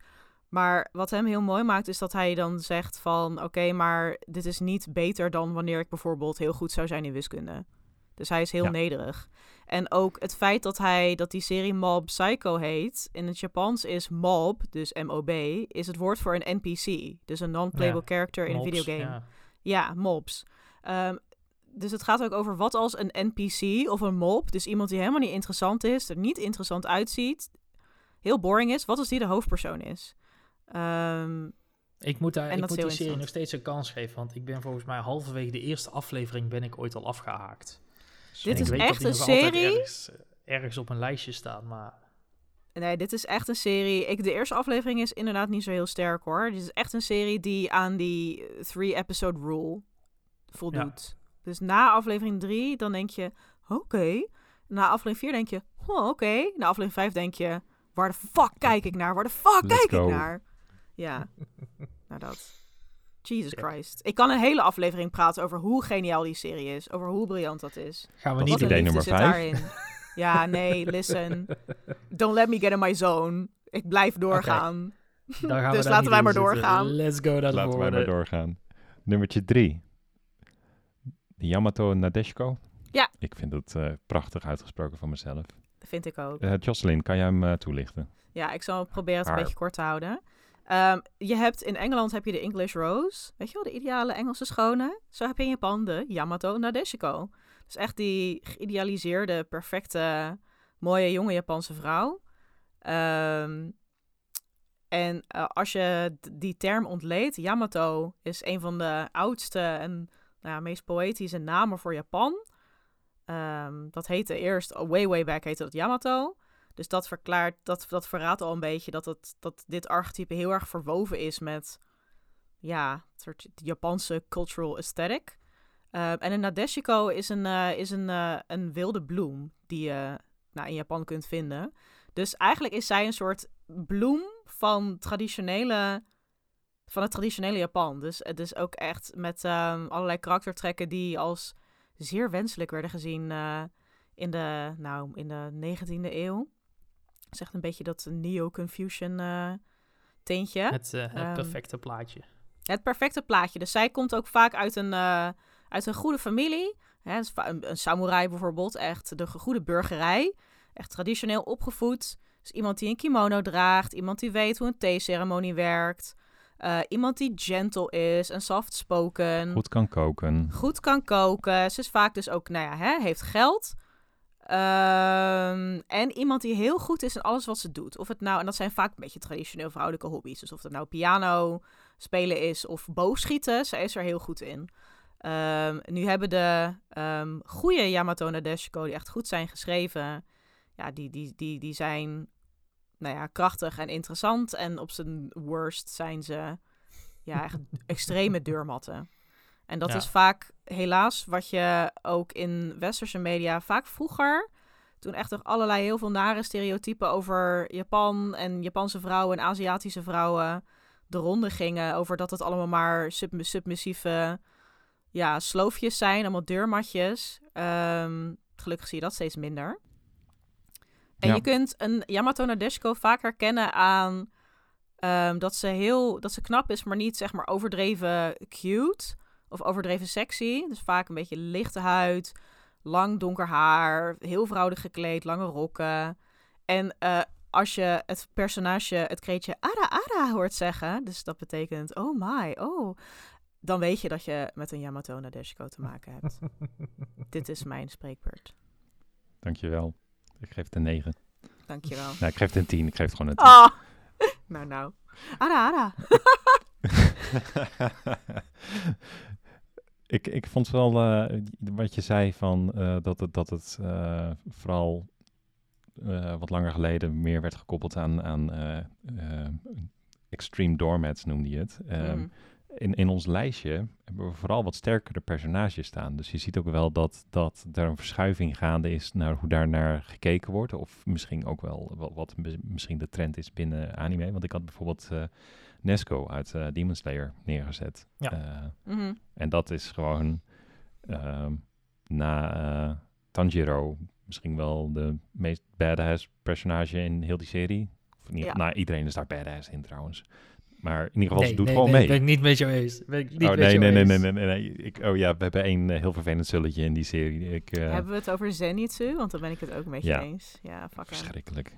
Ja, Oh, verschrikkelijk. geelharig kutje. Haat sorry. hem. Ja. Eh, ja, en door. Maar goed, daar hadden we het Maar niet over. Nezuko is super cool. Super cool, inderdaad. Eh, volgens mij, zij krijgt niet... superveel screentime voordat zij eh, in die serie in een demon ver, eh, verandert. Sowieso maar- krijgt ze niet heel veel screentime, want 9 Nee, van 10 maar- keer zit ze in een houten kist. Dus op zich krijgt Dus- ze... Maar als ze dan verschijnt. Maar als ze dan verschijnt, dan, dan, dan is het inderdaad, volgens mij is ze wel of met het gezin bezig, of, of ze is aan het koken, of, of, eh, of, of echt aan het, het, Ja, het gezin aan het verzorgen echt, wat er is. echt, echt, echt meehelpen in het huishouden. Ja, Echt een heel lief, zorgzaam huiselijk type. En ook aan haar uiterlijk herken je het ook een beetje. Heel lang zwart haar, porseleinen huidje. Ehm, zegt trouwens ook wat over, eh, over een cultuur trouwens, als dat, dat, dat schoonheidsideaal zo bleek is trouwens. Maar goed, we gaan het daar nu niet over Ja. hebben. Maar ik wil het toch even gezegd hebben. is dat weer een ander onderwerp? Mm, Nee. weet niet voor deze show. Maar Nee, wel interessant om je in te verdiepen, denk ik. denk ik ook wel. Ik, eh, ik had ook een andere opgeschreven. Eh, dat is een beetje, misschien met een kleine twist. Dat is eh, uit uh, Comey Can Communicate. De, Ja, de hoofdpersoon, Comey. Dat, is zelfs, dat gaat in die serie zelfs zover dat zij een andere artstijl af en toe krijgt. En dat de hele klas waarin zij zit haar gapend aankijkt. Want jeetje, wat is ze toch knap. En wat, wat oogt ze toch mooi afstandelijk en onbereikbaar. Maar ondertussen is het gewoon meer dat zij zich een beetje afstandelijk houdt. Omdat ze een communicatieprobleem heeft. En eh, daar helemaal niet tegen die aandacht kan. Ehm, en daar nee, zij heeft zelfs een sociale fobie, eh, toch? Ja, Waardoor ze ja, niet eh, durft te praten. Arm kind. Klopt, ja. Ja, arm kind inderdaad. Ja, dat, dat is wel een grap die een beetje oud wordt op een gegeven moment. Maar het is in ieder geval wel dat, dat eh, echt dat Als, als, als de hele show ernaar vernoemd is, kun je er op een gegeven moment ook niet veel meer mee doen natuurlijk. Dat. Nee, nee, nee. Maar het is, het is wel eh, nou ja, een goed voorbeeld van waar we het over hebben. Ehm, ik zie hier wil- ook nog ik andere wil, staan. Ik wil, ik wil één stap terug inderdaad in de show notes. Want ik zie, jij haalt een van mijn favoriete anime van de afgelopen eh, paar jaren aan. ja, Ehm, in Laidback Camp, eh een van de hoofdpersonages, of het hoofdpersonage eigenlijk, is... eh, oh god, daar gaan we weer een naam. Eh Ka- Kakamihara Nadeshiko. Ehm compleet verkracht die naam. maakt niet uit. maar jij schrijft hier inderdaad dat de, de naam is een verwijzing naar de knipoog. Maar qua personage vind ik het totaal niet, zeg maar. Is het, Nee. Ze is ontzettend ditzy en knullig en, en breekt drie keer de nek voordat ze nog een woord heeft gesproken ongeveer. Eh, dus dat, dat, dat is dan... Het is, het is een leuke verwijzing, maar ik denk niet dat het ook echt het type is wat er... Nee, klopt. Dat, ik denk dat het... eh nou, dat personage inderdaad, die, die ontmoet ook de andere ho- hoofdpersoon in die serie inderdaad. En, en zij, eh, dus Nadeshko weet helemaal niks van kamperen. En die Nee, andere is een ja. expert eigenlijk. Maar zij wordt wel helemaal meegetrokken in, oh, ik wil ook goed worden in kamperen. En uiteindelijk wordt ze het ook, eh, ook wel. Dus ze ligt het heeft- zichzelf echt aan, ja. Het is, het, is, eh, het is een ontzettend leuk personage, maar het is, het is niet, je, niet wat, je, wat je zegt inderdaad het perfecte plaatje. Dat, eh, Nee, nee, maar die, die, die knipoog ernaar, dat, eh, dat, dat... Er zal een reden zijn waarom ze die achternaam heeft. Ik denk dat de ouders heel is graag haar voornaam. gewild hebben. Ja, voornaam, excuus. Ja. Ik denk dat de ouders heel graag gewild hebben dat ze zo perfect plaatje was. No pressure. Eh, No pressure, we noemen je letterlijk eh, het prachtige prinsessen schoonheidsideaal. Maar doe maar wat je zelf leuk vindt. precies, ja. Ga maar kamperen, joh. Kijk maar Ja. even. Overigens nog steeds, mocht je hem nog niet gezien hebben, ga die shit kijken. Laid back, Laid camp. back, hè? Ja, blijf erbij. Ik ga het proberen. Ja. Je hebt het er al Ja, zo lang over. Het is Slice of Life. van komen. Oh ja, oké. Het, Mm. is, het is zo, fuck, het is Oh zo fucking rustgevend. Dit is gewoon... Als je een Die, twee, hebt... die twee woorden kan je niet achter elkaar plakken, Kevin. Jawel, jawel, ik wel. Voor deze show wel.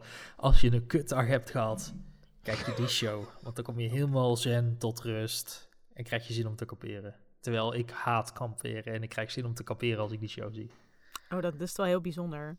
Ja, kijk, ik vind echt, ik vind, ik vind dat soort shows waarin er waarin het tempo heel laag ligt of weinig gebeurt, zo, ik vind het heel moeilijk. Maar dat komt omdat ik ADHD heb. Dus ik ben echt gewoon, dit, gewoon for real. Ik heb dat. Dus dat is nog wel lastig om je aandacht bij shit te houden. Aandacht om je shit te houden als het maar gewoon voortkabbelt. Terwijl ik heus wel Slice of Life series kan kijken en ook heel erg van kan genieten.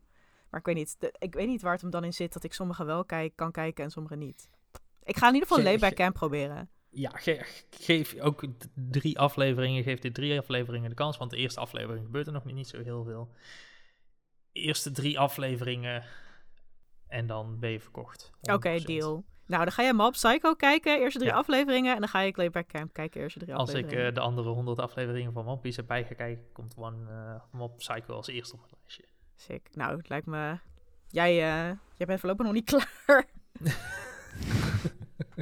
over 100 aflevering. weken, Vol- over 100 volgende weken... aflevering. Over 100 weken kom je aan Mob toe. Ehm, zullen we Volgende? doorgaan naar de archetype Ja. nummer 4? En daar eh, hebben we een eh, slash eh, tussen staan. De Oji-sama of de slash Hime. De, eh, je de- zegt de Oji-sama, maar dat is de prins. Ik wou het. De Ojo-sama, dat is de, Oh, dat is de, de lady. En de Hime is de prinses. Is de- oké. dus de Maar je hier, hebt hier ook de mannelijke uitspraak. variant van Gerard. Die heet Oji-sama inderdaad, dat is het prinsje. Dus Precies, dus hier was uit. Dus ik las het verkeerd, maar toevallig las ik, zei ik wel prins en prinses achter elkaar. Ja. Nou, dat, eh, dat zijn de beste vergissingen. Eh, maar ja, dat, dat gaat hier inderdaad over eh, het, de prins of de prinses die je voorbij ziet komen. En eh, waaraan kan je die herkennen, Jocelyn? Ja, dit, we hebben het hier niet altijd letterlijk over een prins of een prinses. Ehm, en ook niet altijd over iemand die per se heel welgesteld is. Het is meer, het is meer een soort Verwend Het is een- het is een- nest. Het i- verwend nest. Dat is het. Het is een attitude. Eh, te herkennen aan een soort arrogantie. Of een soort snobisme. En eh, bij de Ojo-sama of de Hime... Als ze oh, ho, ho, lacht met haar handje zo voor je mond. Handje, dan, handje wel zo. dat handje eh, voor de mond en dan, oh, dan heb je er één. Dan heb je er één. Ehm, en een voorbeeld daarvan is bijvoorbeeld Jessie uit Pokémon. Ja, En zij lacht ook zo. Moet je maar eens opletten. En zij is volgens mij ook een, eh, een rijke jonge dame die ook ontsnapt is uit haar, van haar ouders. Toch? Ze had een hele rijke ouders. nee, nee, nee, nee, nee. James eh, komt heel James van... is, van eh, Oh, de rijke James boy. was dat. Ja, Oh ja, dat was James het. is, Ja. is ook wel een beetje een OG. eh, ik wou net zeggen, die, James loopt ook constant met een... eh, ik wou net zeggen, het loopt ook met een roos rond constant natuurlijk. En, eh, Een Ja, fancy dat boy. hooghartige. Volgens mij was Jessie meer van de straat juist. Maar dat, Oh ja, Ze heeft wel Nou die ja. arrogantie eh totaal. precies. Het is een mindset. Het is, het is een Ja, attitude. precies. Ja. Ja, en een heel groot voorbeeld van een serie, Gerard, waar jij van houdt, dat is toch Kaguya? Ja, Kaguya-sama, eh, Love is Warm. Ehm, dat, de, Kaguya eh, Shin, Shinomiya, ja, die, ze valt in heel veel eh, verschillende archetypes eigenlijk. Want ze is ook echt een tsundere, absoluut. Dus eh, die, eh, da- daar valt ze ook volledig in, want, want eh, ze wil niet toegeven dat ze eigenlijk verliefd is op, op het andere hoofdpersonage. En dat, daar draait die hele serie om. Dat de twee tsunderes dat niet aan elkaar willen toegeven. En dat, dat duurt nu al bijna drie seizoenen voort dat ze dat niet willen toegeven. En het is echt fantastisch daardoor. Mooi. Het is echt, ook gewoon de narrator is op een gegeven moment, ja oké, we zijn 2,5 seizoen onderweg. Dit gaat zo snel als een, als een gletsjer. Ehm, sorry kijker. Dus het is ook heel erg meta aan Oh, worden ik- ondertussen. Ik hou daarvan. Luister, een goede verteller kan een serie echt maken of breken. Ja.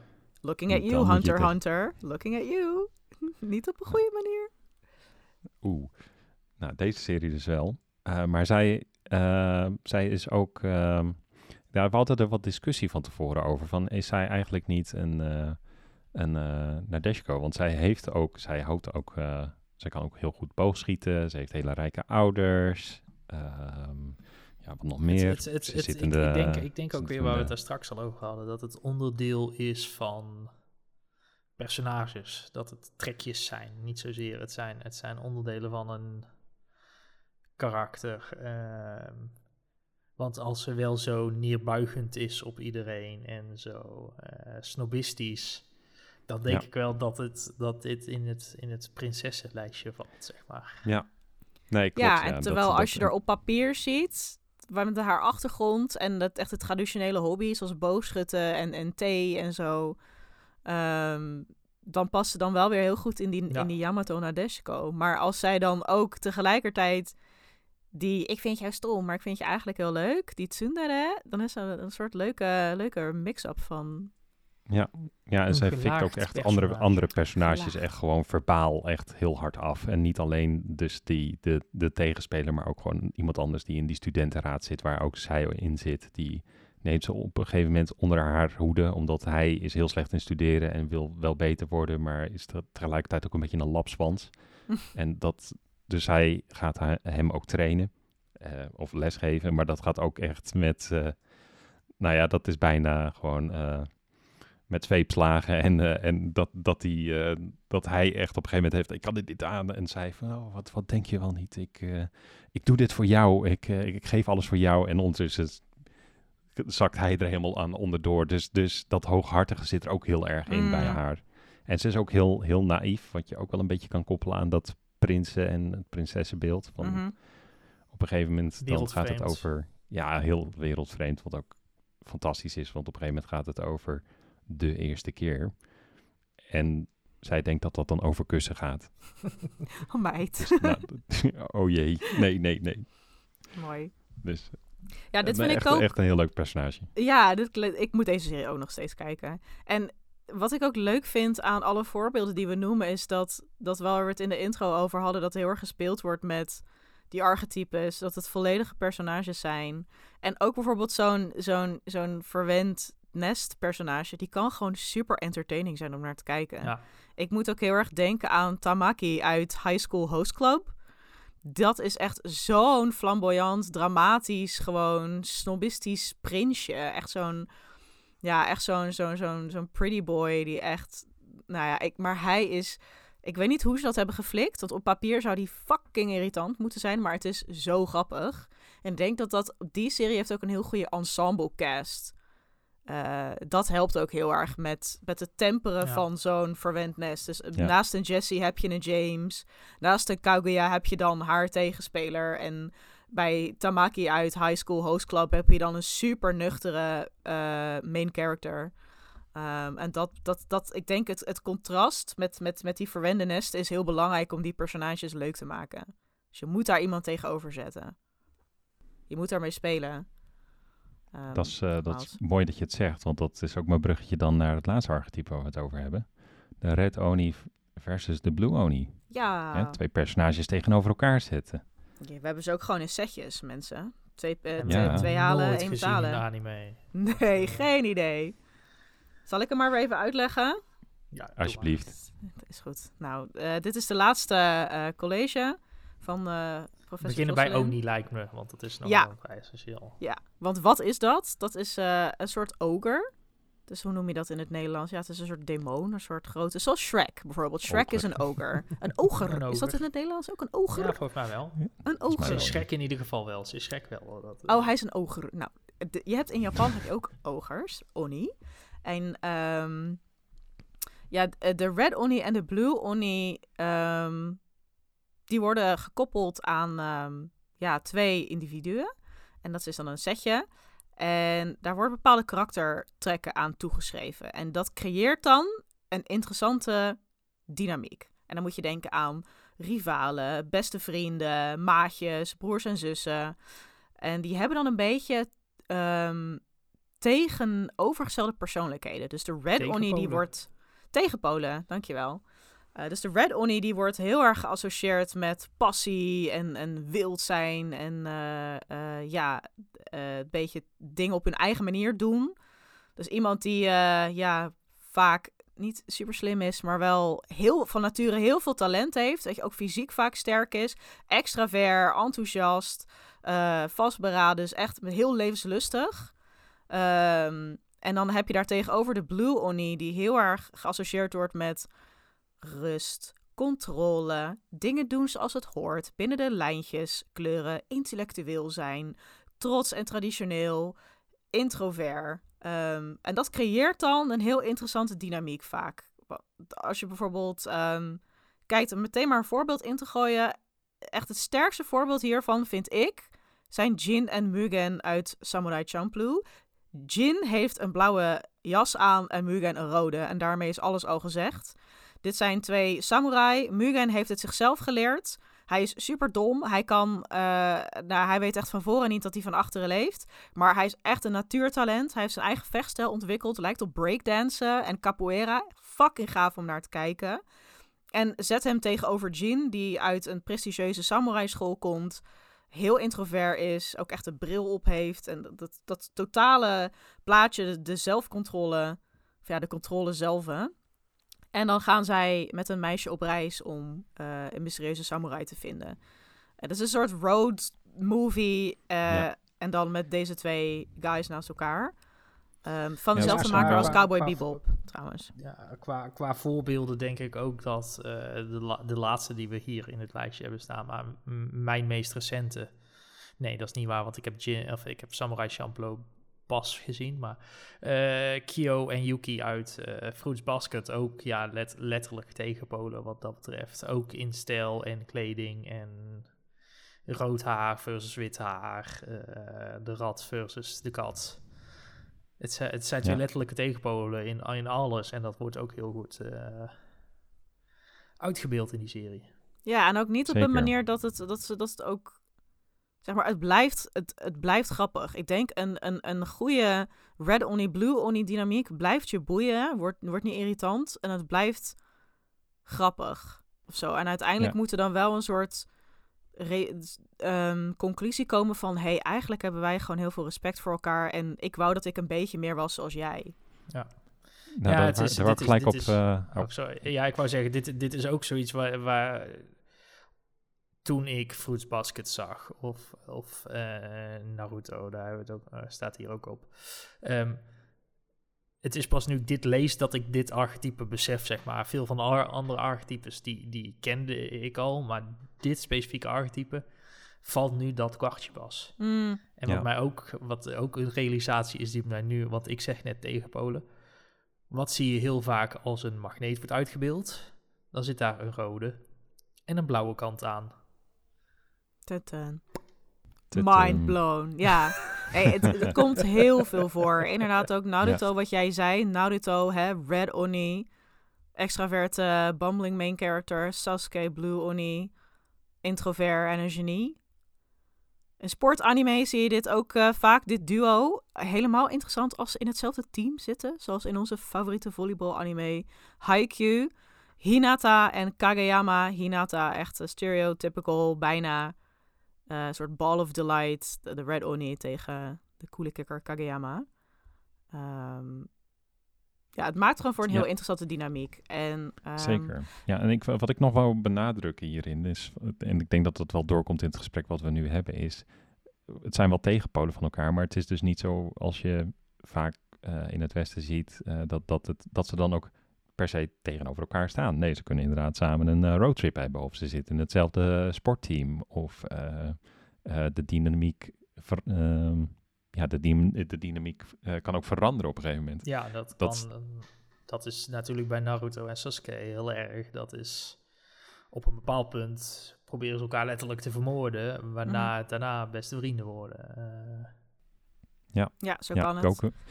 En... Goku en Vegeta is daar ook een goed voorbeeld van. Hè? Dat dan moet je even helemaal terug naar het begin dat zij voor elkaar voor het eerst ontmoeten. En dan is het ook een oranje jersey versus een, een blauwe outfit. En ja. uh, ik ga het plane de planeet uh, beschermen versus uh, ik, ik, wil de Dragon Balls, want ik wil onsterfelijk worden. En dat zijn later ook een soort van best fighting buddies ja. geworden. Wat ik heel mooi ook vind aan, aan de dynamiek tussen Vegeta en Goku, is dat Vegeta is dan echt die Blue Oni, inderdaad, die nou ja, die, die dingen hè, op de traditionele manier doet. Maar hij moet zoveel harder werken dan die Red Oni Goku, die gewoon al dat rauwe talent heeft. En die, die frustratie bij hem, die, die, dat is wel echt uh, mijn favoriete onderdeel aan Dragon Ball Z, is de, de reis die Vegeta doormaakt. Met continu van waarom kan ik daar niet bij komen? Wat hij heeft, waarom heb ik dat niet? Ik ben toch de prins? Ik doe alles goed. Ik doe het allemaal goed. Waarom lukt het mij niet? Dat vond ik uh, letterlijk heel prins, menselijk. Inderdaad. Ja. ja. hij is letterlijk een prins, ja. ja.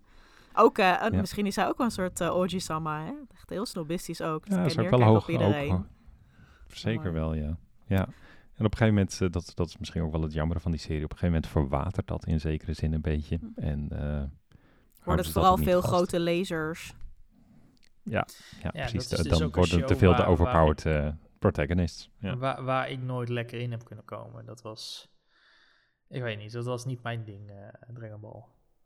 Maar heb je dat gekeken Dat, toen, eh, je, dat toen, je, toen je jong was? Ja, toen ik jong was, ja. Oh, ja, toen ja, kon je er dus niet in komen? Hm. Nee, nee ik, was, ja, ik was veel meer de Pokémons en de Digimons en de Metabots en noem het allemaal op. Oh ja. Dat snap ik ook wel. Fair. Die hebben ook gewoon leuke diertjes. Precies. Dat is ook al veel leuker dan stomme meneren die was, elkaar hele was, was slaan. interessanter dan mensen die heel de tijd tegen elkaar stonden te schreeuwen. minutenlang. Op Een Yo. op te laden Spirit. Oh my god, wat werd er geschreeuwd en geladen. Ja, en zo zijn we al aan het einde van vijf eh, tropes of archetypes. En er zijn er natuurlijk echt veel meer. We hadden een eh, hele Kill Your Darling sectie. Mhm. Daar, daarin zitten er wat minder, eh, eh, ja, hoe zeg je dat, minder prominente of zijpersonages die eh, bepaalde dingen de, misschien vertonen. ook de wat meer herkenbare voor het Westen type. De, De nerd met de de bril. nerds, eh, de, de otaku's in het Japans natuurlijk. De, eh, Ja. de delinquenten. eh, de De sport, strebers. De, de nerd is hier wel heel erg, zeg maar, de streber met de bril, inderdaad. En dan heb je Ja, inderdaad je de hebt, je hebt otaku twee, die je, hebt, dan... je hebt twee klasses. Nou, en natuurlijk, je hebt de otaku en de, de, de strebertjes, inderdaad. Ja, en dan de otaku, die worden dan een tussen. beetje, beetje uitgekotst vaak. Want die hebben dan, daar wordt een beetje op neergekeken, want die, die zijn dan ja, heel geeky. Zeg maar echt houden van, eh, ja, zeg maar zo geeky dat ze, dat ze geen social skills meer hebben, zeg maar. Ja. En dan de streber met de bril is dan wel vaak iemand die nog wel op zijn minst getolereerd wordt. Van, oké, Ja, er zit ook wel vaak braaf, overlap maar- tussen natuurlijk. Dat... ja, je hebt ook Maar het inderdaad zijn wel wel veel... vaak... eh, het, zijn, het zijn vaak wel bijpersonages, waardoor... eh, ja, ze, ze als trope ook wat minder, of archetypen misschien ook wat minder eh, dimensies kennen. Dus Ja, misschien is het ook een keer ja, tijd ja. dat, dat zo'n zo'n eh, archetype eens een keer in de hoofdrol eh, komt te staan. Wie weet wat er dan uitkomt. Zou ik nou leuk vinden. Wat als Ishida Het- van Bleach de hoofdrol heeft? Of die In, guy met, die mo- met die motoren in zijn benen van My Hero Academia. Ja, ja, ja, ja. Ja. Laat de ja, met de brillen shinen. Ja, ik zit te denken, ik, ik kan wel een aantal. eh ReZero, ja, dat was. Was het echt een otaku? Was meer een no-life natuurlijk. Ja. Ehm, Een beetje, wat was hij? Ja. Een niet, volgens mij. Dat is, ja, dat hij is- meer een Ja. niet, inderdaad. Ook, Shut ook een ja. stereotype of een, een archetype waar Ja. we het eh, nu totaal niet over gehad hebben. Eh, Zoveel wat ook nog eigenlijk wel een, een, een heel bijzonder verschijnsel is, wat wij eigenlijk hier nauwelijks kennen. Klopt, ja. Of in ieder geval waar wij Maar- niet zo'n speciale term voor hebben. Nee, dat, dat, dat laatste vooral inderdaad, ja. Een andere Ehm. die we hebben laten liggen is het eh delinquentje. Of de, Ja. de Furio eh, voor de mannelijke variant. En de, de Yank, nee, de Yankee. Is dat alleen vrouwen? Weet ik even niet meer. Maar de Yankee en de Furio. Moet je denken aan ehm biker Yankee gangs. klinkt, als, eh, Yankee klinkt als een verwijzing naar een Amerikaans type. Klopt. Dat klopt ook. Ja, daar komt het ook vandaan. Dus dat is wel grappig. Ehm, maar dat zijn, eh, zijn dan delinquentjes, dus de schoffies. Die dan, eh, of eh, soms zitten ze in motorbendes. Dus bijvoorbeeld Uotani van Fruits Basket. Die heeft ook in een motorbende gezeten. Echt een, eh, een, een, een, bad, een, bad, een bad girl. wel, Ehm, wel een leuk personage, leuk side personage. bad girl met een gouden hart. Dat is het delinquentje Ja. ook, hè. Die moeten een gouden hart hebben. De, Ehm, Ja, de, dat- de dat hele, de hele kast van Tokyo Revengers. ja, Mocht je Ja. die niet eh, die hebben. En heel leuk is dat eh archetype heeft ook eh, een keer, is ook een keer een, eh, een hoofdpersonage geweest in een shonen anime. En dan hebben we het over Yusuke van Yu Yu Hakusho. De shonen anime die stiekem beter is dan Dragon Ball Z. Maar daar hoor je me vast in een latere aflevering nog wel vaker over. Maar ja, heel leuk. In plaats van de, de, de, de brave Red Oni, echt het delinquentje. Er is echt een beetje de anti-held naar voren geschoven. Best wel uniek. En als Te je herkennen een, aan zijn eh, grease-kapsel, trouwens. Echt ah, die, kijk, die, die, ja. die, die, kuif. Dan weet je En dat je je met een een, Furio eh, te maken hebt. Ja, een, een serie met een vrouwelijk deli- eh, vrouwelijke delinquent in de hoofdrol wil zien, of in ieder geval een grotere, groter dan een bijrol, dan moet je Hina Matsuri eh, eens checken. Dat is een hele, hele goede comedy die eh, compleet... eh, is dat over die ene die neerstort? Ja. Is dat, ja, ja, ja, die bij die Oh. delinquent in huis komt. Ja. Dit, sorry, ik ben geïnteresseerd, please. Vertel me meer. Waar, wat, wat gebeurt er? Nou, Hina Matsuri het draait eh, inderdaad om, om, volgens mij zijn het een aantal eh, jonge meiden die uit de toekomst eh, naar het heden komen en in verschillende sociale situaties terechtkomen, laat ik het zo stellen. Eentje die komt, eh, gaat inwonen bij een, eh, bij een gangster of, of een... eh, En Yakuza. bij Ja. een Yakuza, inderdaad, ja. En de, nou, die, dat is echt een... in de toekomst is zij een soort van de nummer één... eh, eh, ja, wat is zij eigenlijk? Volgens mij een assassin. Maar ze is een compleet nutteloze dochter dus, eh, voor, die, eh, voor die Yakuza. Maar je hebt ook een andere, dat is eigenlijk de nummer twee in de toekomst. Die komt ook naar het heden toe. Die, heeft, die mist wat sociale skills en is inderdaad een beetje dat die vervalt in dat ze een delinquentje wordt. Ze steelt eten en eh, het- ze moet niet, niets hebben van de, de huidige maatschappij. Maar zij heeft een hele mooie eh, karakterontwikkeling, omdat zij eh, in een eh, dakloze kamp terechtkomt en Ja. daar wordt opgenomen door eh, wat oude gasten en, en een hele redemption arc krijgt die echt eh, heel overtuigend wordt Het, is- neergezet. het, het is totaal wholesome en het is totaal achterlijk. Dat is denk Ja. ik het beste, Ja. beste wat je van kan maken. Dat, eh, Ja, absoluut, ja. ja. Ik ben hij is, hij is zeer komisch, zeer vermakelijk. Wholesome. Gerard, ik ben wel weer bang dat dit, dat dit hele lange show notes voor jou op Twitter worden vandaag. Eh, dat, Ja, eh, dat, dat, vinden, dat, eh, dat zijn de beste. We moeten maar selectief zijn met, eh, met, het, met de titels, denk ik, die we gaan vernoemen. In ieder geval zit ik ze allemaal in de show notes van de aflevering. Dus dan kan je in de ja. Description dat, eh, kijken. Komt helemaal goed. Eh, dit is volgens mij ook het moment dat we dan eh, maar eh, even gaan afsluiten. Ehm, moet ik uit het hoofd doen? Normaal Vijf archetypes voor aflevering vijf. dat, eh, Alsof alsof we erover nagedacht hebben. Echt mooi. Puur toeval. Ja. Duizend, en de- bij aflevering 1000 doen we de 1000, oké? Is goed. een marathon aflevering. Live, wel live. Live met publiek. Yo, Precies, ja. ja. Het lijkt me wel heel Duizend gezellig. man publiek bij, bij aflevering 1000. Daar, ga- daar gaan we voor. Anyways, eh, voordat we daar zijn, was dit aflevering 5. Eh, ik was Gerard en jij vindt mij op Twitter op het Matige Friet. Je vindt eh, een geanimeerd gesprek ook op Twitter. Dat vind je op het animegesprek. Op Instagram vind je dat op een geanimeerd gesprek. Correct. Jocelyn, waar kunnen... Ja, de, ja, de ad, eh, dat, dat, eh, ik denk dat mensen daar wel achter komen. Een dankjewel. apenstaartje. Zet het ervoor en dan vind je ons. Eh, Precies, Je, vindt mij eh, ook achter een apenstaartje. Eh, apenstaartje op Twitter. OMG Jos LOL. Dus OMG DJOS LOL. En Kevin, achter welk apenstaartje ben jij te vinden? Mij vind je achter eh apenstaartje KevR en dat is E K-E-V-V-R met dubbel V. Dat, eh, Apenstaartje. daar kun je mij treffen. Daarnaast, eh, daarnaast tref je ons natuurlijk ook nog op Vriend van de Show. Daar kun je ons steunen als je dat leuk vindt.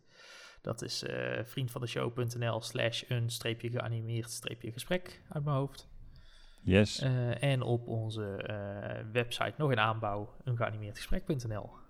Zoveel plekken. Oh, dan zijn we rond. Heel veel plekken. Yes. Nou, dankjewel.